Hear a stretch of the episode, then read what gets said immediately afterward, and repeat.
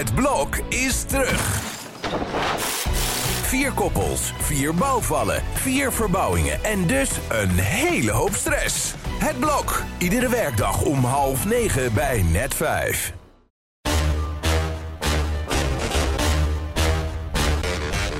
Dit is Trick Privé. De dagelijkse showbiz-update met Evert Zandgoeds en Jordi Versteegde.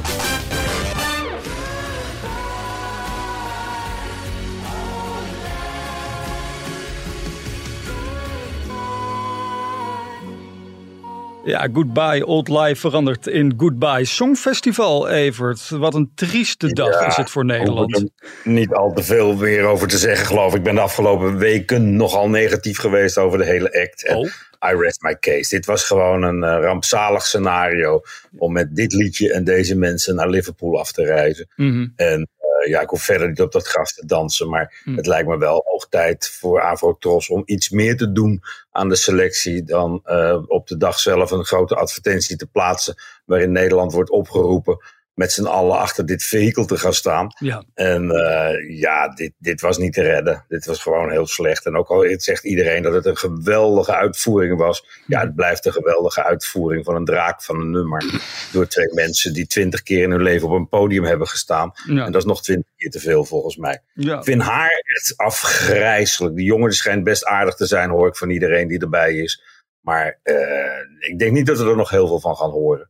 En ze gaat nu geloof ik naar, op vakantie naar Parijs wil ze. Nou, dan maakt ze misschien met Frankrijk het Songfestival gaat winnen. Want daar staat wel iemand op een pilaar te zingen die het eh, niet kan.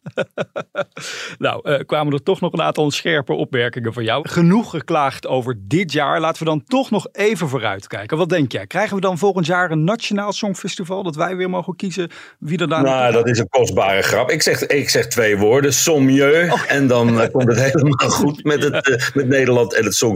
Dan krijg je iets uptempo's, iets vrolijks. Ja. In plaats van al die depressieve ellende van de laatste tijd. En eh, ik, ik denk dat je dan eh, het, zo- het zo weer op de kaart hebt. En dan moet je alleen nog wat doen aan dat presentatieduo. Want ja, Jan Smit moet niet alleen weg uit die selectiecommissie met als zanger die zelf op een doodspoor zit. Maar wat hij daar zit te doen in dat hokje elk jaar. Het, het verbaast me dat hij dat zelf nog wil. Want ja, wat, wat voegt die man toe aan dat? Het is, het is verschrikkelijk. Het slechtste wat hij gedaan heeft in zijn carrière is commentaar geven bij het Songfestival.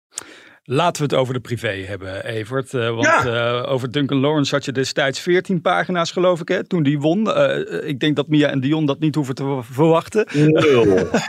Maar Charles, daar heb jij eh, 24 pagina's Ja, baas boven baas. En de koning gaat natuurlijk zelfs nog boven Duncan Lawrence. Ja. En ja, daar konden we niet omheen deze week. Je ziet het in de internationale pers dat die toch allemaal wel breed uitpakken met ja, terugkijken op de mooiste momenten van afgelopen zaterdag. En dat is zo leuk van een tijdschrift. Gaat op tv, zit je er bovenop. Maar Ja. het gaat toch allemaal wel heel snel. En je mist het overzicht heel vaak. Wie zit nou wie, waar en eh, hoe kijkt die naar die. En dat Ja. geven we dus allemaal aan op die inderdaad 24 pagina's die we ervoor nodig hadden om het verhaal te vertellen. Ja. Eh, volgende week komen we er nog één keer op terug met, eh, met, met, met die officiële foto's. Die kwamen natuurlijk pas toen wij al naar de drukker waren. Mhm. Maar eh, ja, als je het eh, wil nagenieten, en dat zijn toch heel veel mensen die er eh, zaterdag van genoten hebben, dan, dan kan dat vandaag. Want de nieuwe privé ligt in de winkel inderdaad. Ja, mooi gezegd. Ja, jij zegt wie zat waar. Nou, op een gegeven moment zie je een foto in de privé dat Catwin en William natuurlijk dicht bij elkaar zitten, maar eigenlijk in een soort van driehoek met Harry. En toen vroeg ik me nog af, hebben zij überhaupt wel contact gehad daar op die dag, die drie? Niet zichtbaar. Je kan je voorstellen dat dat bij een kopje koffie 's morgens op het paleis misschien even gebeurd is. Maar ja, de, de verhoudingen tussen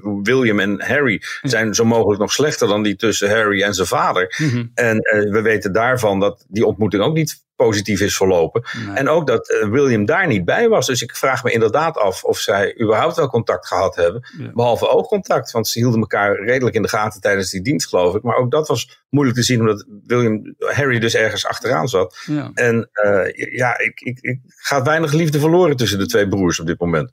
Nou, heel veel liefde van privé gaat in ieder geval naar Catherine, want zij staat op de cover.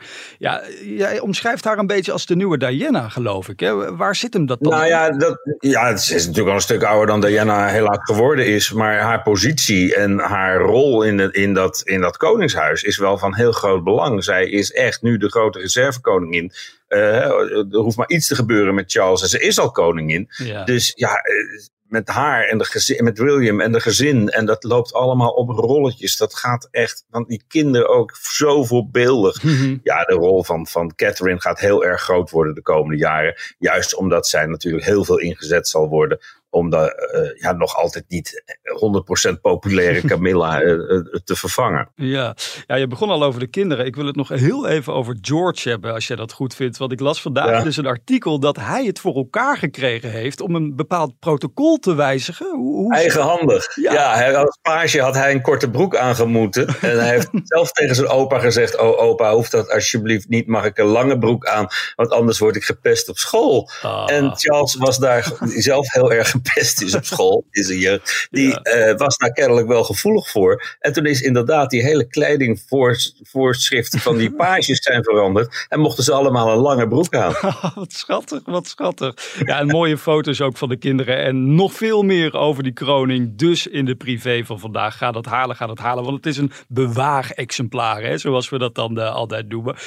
Nick en Simon, daar wil ik het tot slot dan nog even over hebben. Want gisteren in al het Songfestival geweld zaten zij in één keer aan tafel bij op één. En dat vond ik wel opvallend, want ik dacht, die verdwijnen voorlopig even in de luwte. Maar ze kiezen dus toch weer. Nou ja, er is altijd gezegd dat ze programma's blijven maken. En daar ging het ook over. Toevallig ook in Liverpool. Want ze gaan op Oh ja. naar de, de, de roots van de Beatles. Ja. En dat levert ongetwijfeld weer een leuk programma op. Met Kees Tol er natuurlijk ook weer bij. Ja. Ik vond vooral de rol van onze Margje weer. eh, die wil elke week juice, geloof ik. Duwt ze niemand van het toneel af, dan eh, gaat ze wel weer zitten peuren in het putje rond Nick en Simon. Ik, kreeg, ik zag heel veel reacties op social, social media van ze waren toch uit elkaar?